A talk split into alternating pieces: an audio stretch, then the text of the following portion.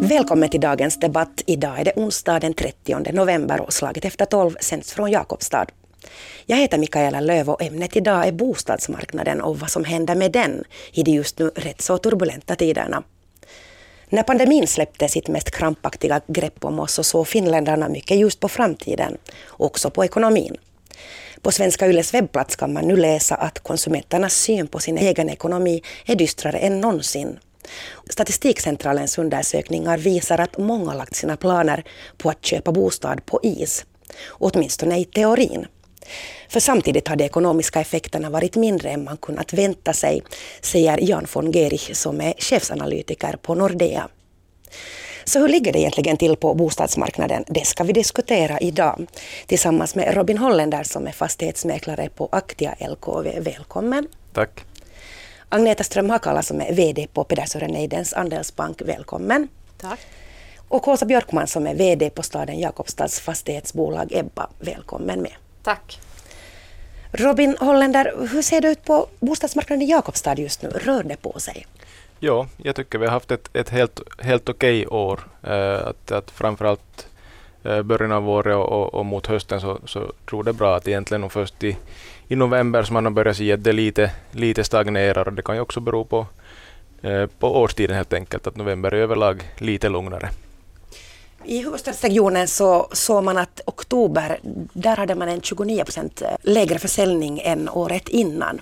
Men någonting sånt har ni inte märkt av här i Jakobstad? Eh, nej, inte någon sån stor, stor förändring åtminstone. Att som jag sa, att, jag upplever nog att det först egentligen i november som det, som det börjar lugna ner sig. Och, och samtidigt så ska man komma ihåg att, att äh, det är skillnad också på huvudstadsregionen och, och Österbotten och Jakobstad överlag. Att, att när man pratar i media om de här prissänkningarna som har varit diskussion kring så, så 3 procent betyder betydligt mer pengamässigt i Helsingfors än vad det gör i Österbotten till exempel. Så det kan ju också påverka marknaden. Alltså priser på bostäder? Priser på bostäder, mm. Agneta Strömhakala, på banken då, får ni många låneansökningar? Hur ser det ut just nu? Vi får hela tiden låneansökningar. Precis som Robin säger så är det ju nog lite årstider också, också i det. På våren är man mera på hugget med att skaffa sig nytt och flytta än vad man är i november. Men att nu upplever vi också att, att efter sommaren så har har, har många tagit en, en paus nu och funderar lite hur man lägger upp sin ekonomi. Att det är trots allt turbulenta ekonomiska tider också som vi lever i. Så att jag tror att en och annan lite lägger upp taktiken nu och ser hur världen ligger och, och funderar hur man går vidare. Avvakta och lite se hur man, mm. hur man ska göra. Åsa Björkman, Ebba Fastigheter, då, har ni långa köer? Om folk inte köper bostäder, vill de bo på hyra? Hur, hur ser det ut? Ja, vi har växande bostadsansökningar. Antalet ökar hela tiden. Det har det gjort under några år redan. Om det sen beror på, på världsläget tror jag inte, utan jag tror att det är en trend som, som når oss också. Vi har ju traditionellt sett varit väldigt ja, bundna till att man äger sin bostad i vår region och i Österbotten, men, men sakta så börjar det accepteras här också att vi, man kan, det kan vara ett val att man bor på hyra. Så bostadskarriären behöver inte se ut som tidigare med andra ord? Då. Nej, jag tror faktiskt att det håller på att ske en skiftning här. När vi såg på de här siffrorna då med hur bostadsförsäljningen hade gått i oktober, då såg man också att det tar lite längre att sälja sin bostad många gånger nu. Är det någonting som ni har märkt av? Eh, inte någon större förändring egentligen på det sättet, utan, utan främst så handlar det ju, som det alltid gör, handlar om objekt. Eh, tillgång och efterfrågan helt enkelt. Att det som vi ser att drar ännu väldigt bra så är ju, är ju nyare egnahemshus. Och det går ju hand i hand säkert med, med byggprisen att vi har en hel del byggare som nu söker begagnade nyare egnahemshus istället för att bygga. Men är man mera försiktig då i alla fall och kanske räknar vad kommer elen att kosta om det är eluppvärmning eller oljeuppvärmning? Ja, det är klart att man kollar betydligt mera nu eh, på, på totala kostnader, både gällande ränta och, och, och brukskostnader och så vidare. Men att, att eh, det som man bör komma ihåg och som också är ett tips åt köpare så är ju att, att inte välja bort ett hus bara för att det är eh, eluppvärmt, utan eh, all form av hus, alla hus kräver någon form av energikälla. Så att istället för att välja bort det, så ring istället att mäklaren om inte står där annonsen och fråga vad är faktiska förbrukningen. Det kan ju vara att kostnaderna är ganska låga, även om det är direkt eluppvärmt. Agneta Ström Hakala, då, när ni då lånar ut pengar, ger billiga bostadslån, ser ni också på de här sakerna som just är elpriser och, och tar det i beaktande? Hur räknar ni? varje familj så räknar ju varje låntagare så går vi ju igenom ekonomin och kunden har ju själv också gått igenom sin ekonomi och vet, vet vad man är, är beredd att satsa. Den här tumregeln är ju ungefär att en tredjedel av nettoinkomsterna så, så har, har, har man tänkt att det är en så vettig nivå att, att lägga sina boende, liksom kredit, lånekostnader på. Men äh, vi är ju alla lite olika och varje familj gör sina egna val. Men det är ju som en bra tumregel. Och jag tror precis som Robin säger att just idag så är det klart att, man, att de här stresstesterna som vi alltid har gjort i bankerna eller så väldigt länge gjort i bankerna så de blir nu kanske mera verkliga, de blir mm. mera reella. Det blir någonting som man faktiskt sätter sig in i och funderar att det var en tid med nollränta då, då det kanske inte upplevdes så väldigt konkret och realistiskt och, och nödvändigt att fundera utan det var liksom bara check att, att det där ska göras.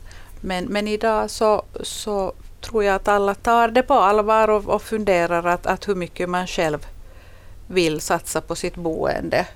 Att där är ju, det finns ju andra livsval också. Att man satsar mindre på boende och mera på resor eller mera på, res, re, mera på boende och mindre på nöjen att vi gör alla våra livsval. Så det är inte bara ni på banken som är lite mer noggranna nu, utan även era kunder som kanske Absolut. tänker efter ett, ett varv till? Absolut. Mm. Åsa Björkman, när man vänder sig till er då och vill hyra, vem är det som vill hyra, vem är det som vill köpa bostäder och vem vill bo på hyra? Kan man säga så här, olika gr grupper eller hur ser det ut? Nej, vi har nog alla typer av kategorier, eller ja, man ska inte kategorisera människor, men hos oss finns det nog alla, alla liksom samhällsklasser eller alla typer utav, av människor. Att inte, inte, inte finns det någon speciell kategori. Uh, mycket äldre väljer hyresboende idag när egnahemshuset blir blir för stort. Det är nog en trend som vi har sett och som växer, att det finns behov av, av bostäder för äldre. Så även om man har ett egnahemshus så säljer man det och väljer att flytta på hyra? Ja, ja, och binder inte det som man får. Robin vet ju och Agneta också att man kanske inte får så mycket för det här egnahemshuset så att det täcker för en nybyggd bostad i centrum av, av Jakobstad. Då är det att bo på hyra ett, ett attraktivt alternativ. Och sen ska man komma ihåg att vår region är ju en väldigt livskraftig region. Vi har en stor arbetsmarknad här som hela tiden skriker efter, efter nya människor. Och för, för sådana människor som byter bostadsort så är ju också naturligtvis. Det måste ju vara ja. en av de största kundgrupperna ja. som ni har. Ja, att det... Då är ju det naturliga valet att man inte riktigt vet var man vill bo förrän man har lite tittat runt sig i stan. Och det är någonting som faktiskt växer, just de som kommer och efter jobb hit, att de väljer hyresboende. Och för det har vi ju skapat de här rekryteringsbostäderna, att man har att flytta in i direkt och sen så har man tid på sig att söka det där egna då om man väljer att gå till, till Robin och, och köpa ett hus eller en bostad. Man bor in sig lite först och ser? Ja, mm. och nu är ju hyresboende eh, på alla orter till att börja med en sån här genomfart så att man, det är som man landar på en ny ort och sen så söker man sig till det här mer permanenta sen. Men Ebba bygger också nya bostäder. Riktigt här mittemot där vi sitter så går grävskopan just nu och man river det gamla och bygger nytt och, och där ska också ni bygga hyresbostäder. Ni är del, delaktiga i det. Så ni tror på hyresmarknaden helt enkelt?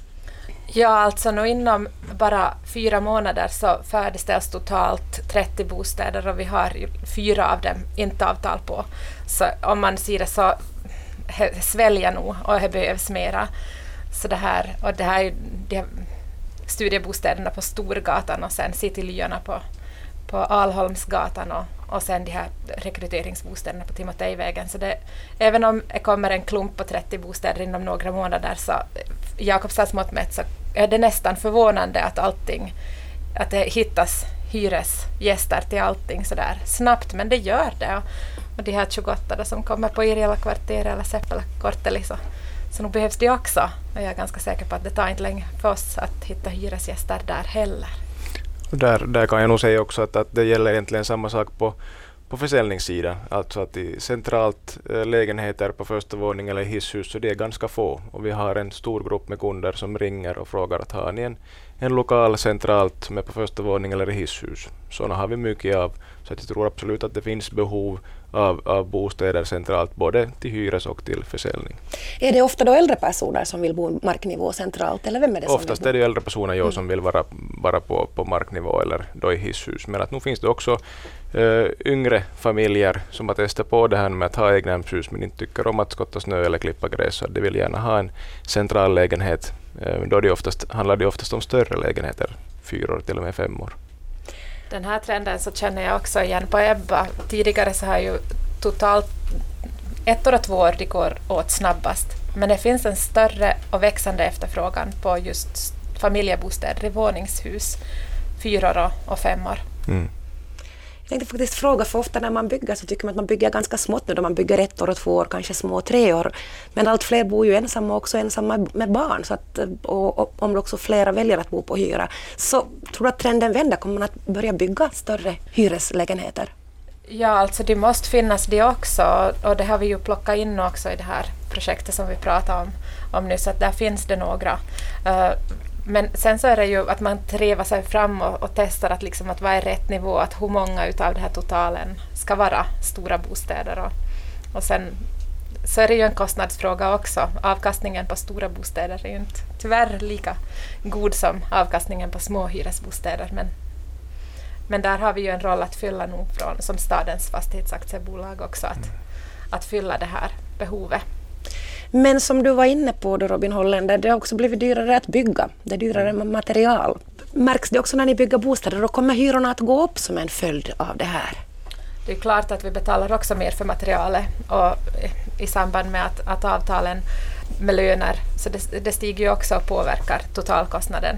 Däremot så gör det kanske att man blir ännu mer vass i sina prioriteringar och, och väljer gör sådana prioriteringar som totalt sett då inte ska öka den här kostnaden så mycket. Men såklart finns ett kostnadstryck på, på hyrorna också. Vi försöker att hålla ner dem och har faktiskt startat en energieffektiveringstalko där vi också samlar hyresgästerna att, att hjälpa oss i det här. Så nästa år så höjer inte vi hyrorna och vi försöker liksom hitta en sån här bra balans i det här för att det är ju också håll, hållbarhet att hålla hyresnivån på en saklig nivå. Eh, Robin Holländer, då när dina klienter ser på bostäder också, har ni märkt av till exempel att bostadsvederlagen har stigit? Har det ännu hunnit påverkas av de här energipriserna? Jo, nu har det hunnit påverkas. Eh, fler bolag och fler har redan tagit upp det att vid nästa möte måste diskutera att antingen så gör man små korrigeringar eller så, så det här, eh, måste man höja någonting. Eh, I högre höghus så, så, så kan det ju påverkas på det sättet att vedlaget höjs. I, I mindre radhus, parhus så kan man ta det beslutet att vi, vi börjar klippa gräs och skottsnö själv för att hålla ner kostnaderna. Att det är nog en diskussion som gås. Så det är lite vad man väljer då, om man vill stiga till själv eller om man vill ha det bekvämare? Precis, som allt annat. Agneta Strömakala, vi funderar på att bygga nytt, det har blivit dyrare. Är det många kunder hos er som vill bygga sitt eget hus eller har det mattats av? Här i våra trakter så har ju folk, många väldigt gärna byggt egna hus och det är väl många, många unga människors dröm också att, att en dag bygga sitt eget hus. Det hör lite till, till, till regionens traditioner. Så visst är det många som bygger. Och de vågar satsa också i det här läget? Ja, äh, boende är ju ändå ett, ett grundbehov hos människan. Vi ska alla bo någonstans.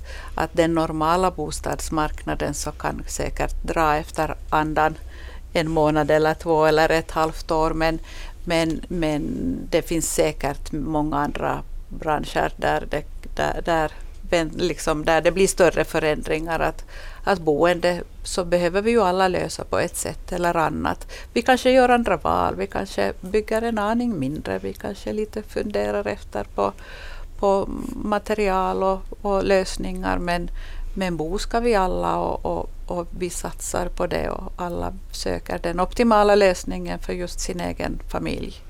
Så jag är helt övertygad om att många fortsätter att bygga sina egna hus. Du sa var någonting av en österbottnisk tradition där Mm. kanske, att man gör en sån bostadskarriär, kanske köper ett radhus eller en lägenhet och säljer det och sen, sen börjar man titta på hus eller bygga själv. Är det så det ser ut fortfarande, Robin Hollander? Ja, jag håller nog helt med där också. Jag upplever inte heller att, att eh, köparna som vi har, eller kunderna som vi har, de, är- de är rädda för att Euribor ska ligga på 3 procent till exempel, utan de, de är mer eh, osäkra på var stannar det. Att jag är nog fullt övertygad om att, att bara vi ser något tydligt att nu, nu är Euribor 2,8 eller vad det är och där lär det förbli en god tid framöver. Så då tror jag att det vänder igen allting ganska till det positiva. Precis. Om man ser på, de här, på statistiken så förra året då så bodde 28 procent av finländarna på hyra. Det är 1,5 miljoner finländare. Det, och det är en stor ökning. 100 000 fler blev det på tre år. Åsa Björkman, du är kanske inte så förvånad över det här då? Nej, alltså vi har ju alltid varit kanske lite efter tillväxtcentra i, i statistiken, men nu ser vi ju det här också att antalet som bor på hyra har ökat. Men det beror ju också liksom på hushållens storlek, att det har ändrat i Jakobstad under en 10-15 årsperiod, att allt fler bor ensamma eller på två. Att uh, antalet hushåll har ökat i antal, även om totalt sett antalet människor som bor i Jakobstad är ganska lika stort hela tiden. Precis. Agneta Strömhakala, för då ganska många år sedan så var det nästan att knalla in till banken och så hade man ett fast jobb så fick man låna summan till hela huset. Men så ser det inte ut idag. Jag tror att det aldrig har varit riktigt på det sättet, men, men att det är klart att idag så är alla väldigt medvetna om att, att räkna och fundera på hur man, hur, hur man ordnar sin ekonomi. Att, att den medvetenheten så, så finns just nu kanske extra tydligt så, så att alla tar sig en funderare. Eh, lagstiftningen har också gått, gå, gått tag i det här området. Tanken är att, att, att tvinga folk att fundera efter. Vi har 95 procent får du max låna till din första bostad. Så, så att du kan inte längre, banken kan inte ge 100 procent eller 105 procent mera finansiering för, för boende. Eh, uh, stresstester har vi, har vi ju gjort långa tider och, och det har alltid, alltid varit fråga om, om vars och ens betalningsförmåga. Att det är ju den som, som avgör hur stort lån var och en kan ta. Dels var det ju en följd av Lehman Brothers-krisen 2009 då också världen fick upp ögonen för att det ligger i allas intresse att alla bankers ekonomi är sund, att kreditgivningen är sund. Och, och därför så, så är vi ju också idag reglerade på ett tydligt sätt att man får inte utsätta de andra kredittagarna i banken för stora risker för att, att någon får över sin betalningsförmåga utan tanken är att, att betalningsförmågan ska räcka till för alla lån som, som vi lyfter och, och vi är kunder i, i samma bank. Så visst har det blivit, blivit liksom tydligare den här, det här regelverket men, men det har ju alltid hängt på vars och ens betalningsförmåga och, och naturligtvis också just de här personliga valen. Vad vill vi använda till boende och vad vill vi använda till, till annat? Men Robin Hollander, händer det då att dina kunder helt enkelt backar och inte får ett lån eller har de kollat upp det redan innan de börjar titta på bostäder? Eh, nej, det händer nog att, att eh, man tror sig vara säker på att man får, får lån och sen visar det sig att inte man får. Så att det är nog en, en rekommendation eh, från vår sida att, att funderar du på att, att köpa bostad och börja söka efter bostad så kolla gärna upp med banken innan att vad, vad har vi möjlighet till. Eh, det hjälper ju det hjälper ju alla i hela processen och framförallt för, för säljarna så kan det ju vara en, en uh, psykiskt tung process att man tror att man har en köpare som sen drar sig ur. Precis. Så, så det, det är nog en rekommendation att kolla upp innan att, att kan man få lån och till vilken summa. Mm. Vi tittar lite på statistik igen, så förra året då enligt Eurostats siffror så lägger finländare i genomsnitt 17,8 procent av sin disponibla inkomst på boende.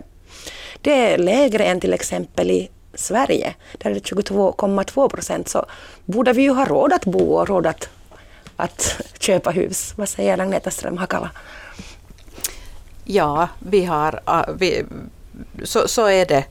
Det, det, är ju bara att, att var och en måste räkna efter just hur mycket man själv är, är beredd att satsa. Och sen komma ihåg också att livet är långt. Att det händer under livets gång olika förändringar. Man kanske hittar en partner, man kanske vill ha barn, man kanske vill jobba mera, man kanske vill jobba mindre, man kanske vill resa mera. Att i det här bostadskredits diskussionen så behöver man också väga in den här eh, okända faktorn och eh, förbereda sig på den. Så idag så, så rekommenderar ju vi nog åt alla att man kombinerar sitt lån med någon form av sparande så att man klarar sig över de här, om man nu vill se dem som gropar eller pucklar framöver i, i livet och, och har en möjlighet sen att parera när, när någonting händer. Att livet är lite oförutsägbart. Då. Så att amortera på sitt bostadslån det är inte att spara åt sig själv? Det är det traditionella sättet för finländare att spara. Det finns många som, som har, har sparat allting i, i form av sin bostad.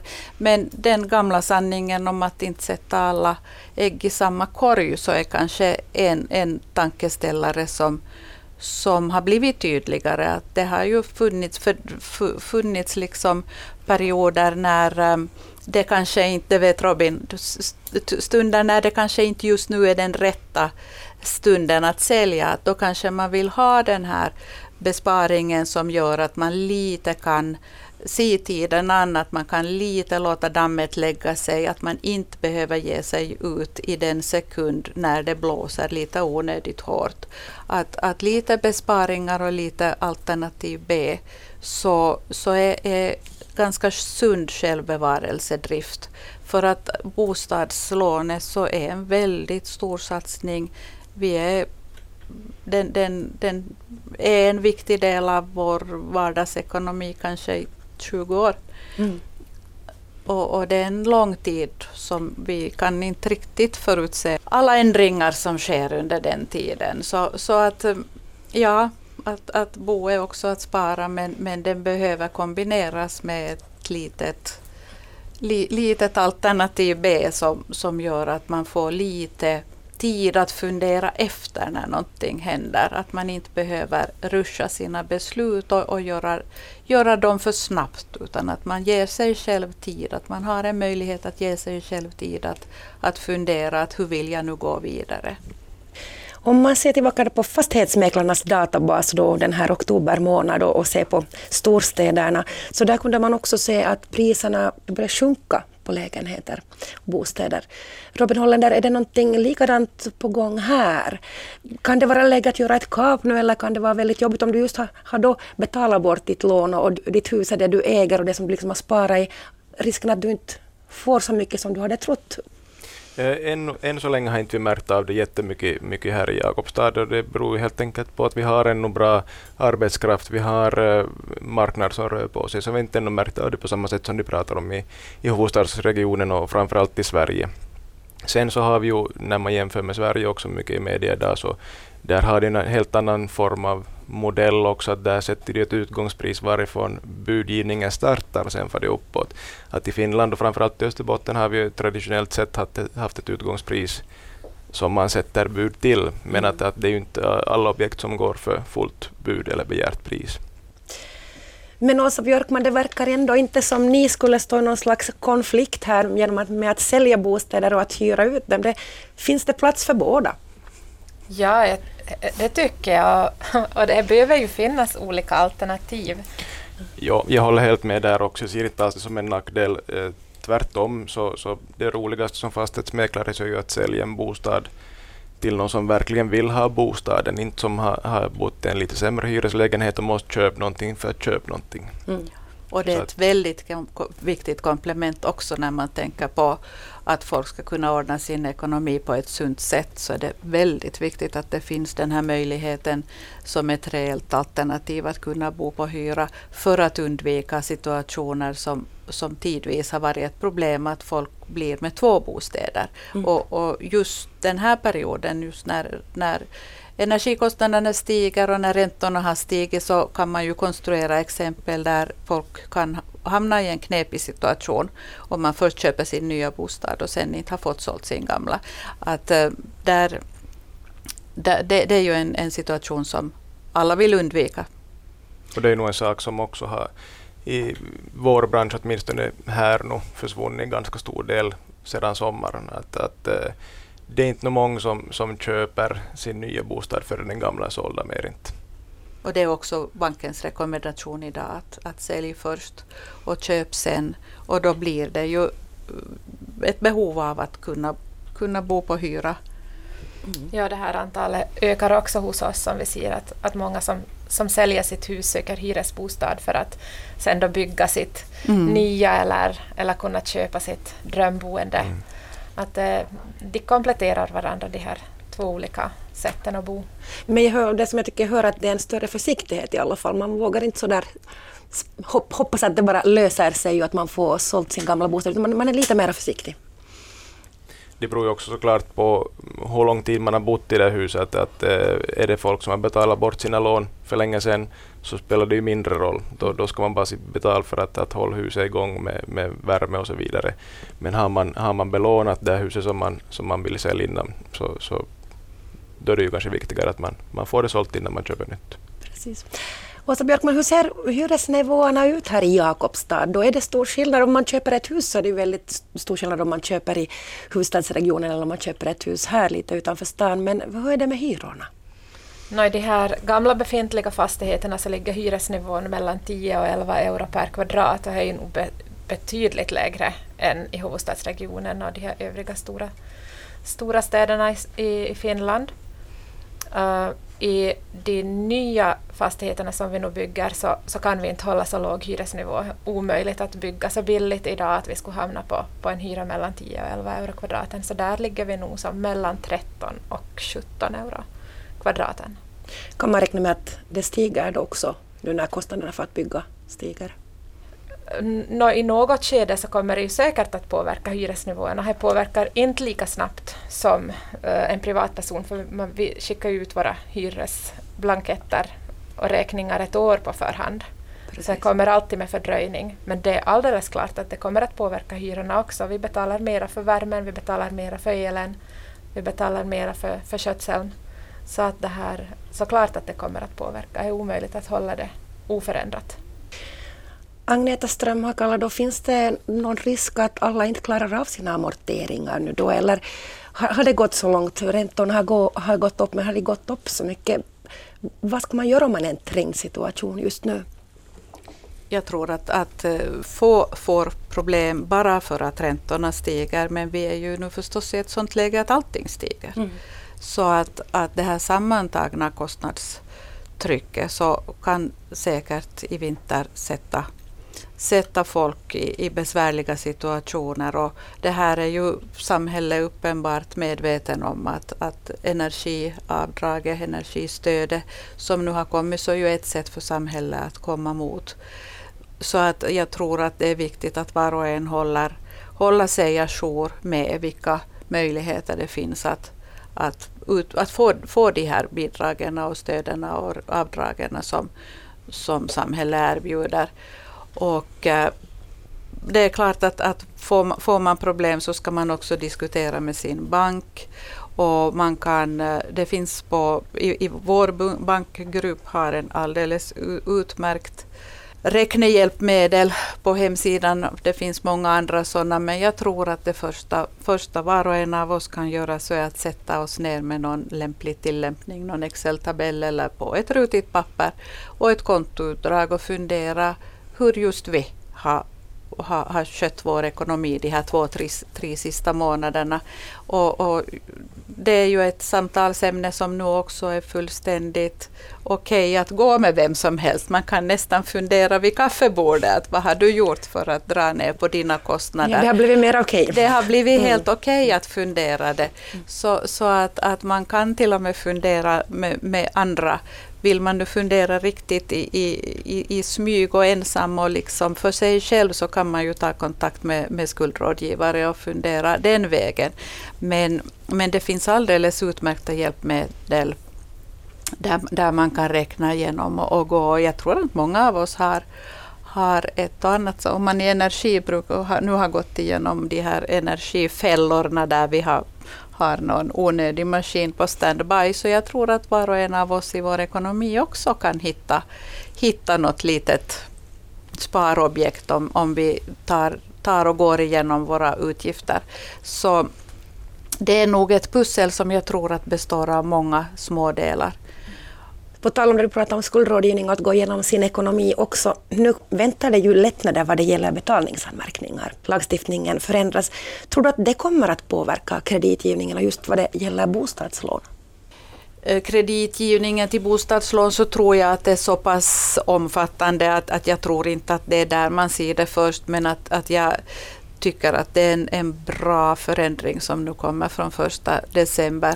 Det underlättar ju just tillgången på bankkort och på möjligheter att få säkert också hyror få telefonabonnemang utan, avge, utan depositioner och, och, sina försäkringar ordnade så att, att det är för väldigt många människor en, en, en lättnad när den kommer själva bostadslåneprocessen så den är så pass stor så att där kommer så många andra detaljer också med. Att, men, men att det, det är en fin förändring som kommer nu första december. Robin Hollender, om man då tar beslut för att man vill bli egnahemsägare till exempel, eller ha sin egen lägenhet, eget hus. Kan du berätta så lite vilka objekt är speciellt intressanta idag? Vad är ett sådant riktigt drömobjekt som snabbt går åt på marknaden? No, alla objekt som har strandtomt är ju nog som ganska enkelt att säga att det är ett drömobjekt idag. Så anspråkslöst som ja, strandtomt. Eh, sen så är det ju förstås de här, eh, som jag sa redan, att, att nya, nya egnahemshus eller eh, centrala lägenheter i hisshus är nog också väldigt populära idag.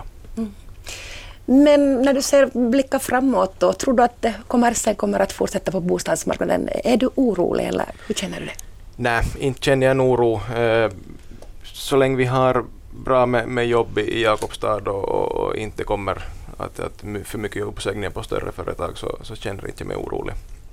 Och, och det här eh, som vi diskuterade här tidigare, att, att om man funderar på att det är fel tidpunkt att sälja, att, att man inte vet vad huset är värt idag, så det är ju bara att ta kontakt med oss. Och vi gör ju väldigt gärna värderingar, så då får man reda på vad, vad, vad vi tror att man kan få ur sin bostad idag. Åsa Björkman, hur tror du att hyresbostadsmarknaden kommer att se ut i framtiden?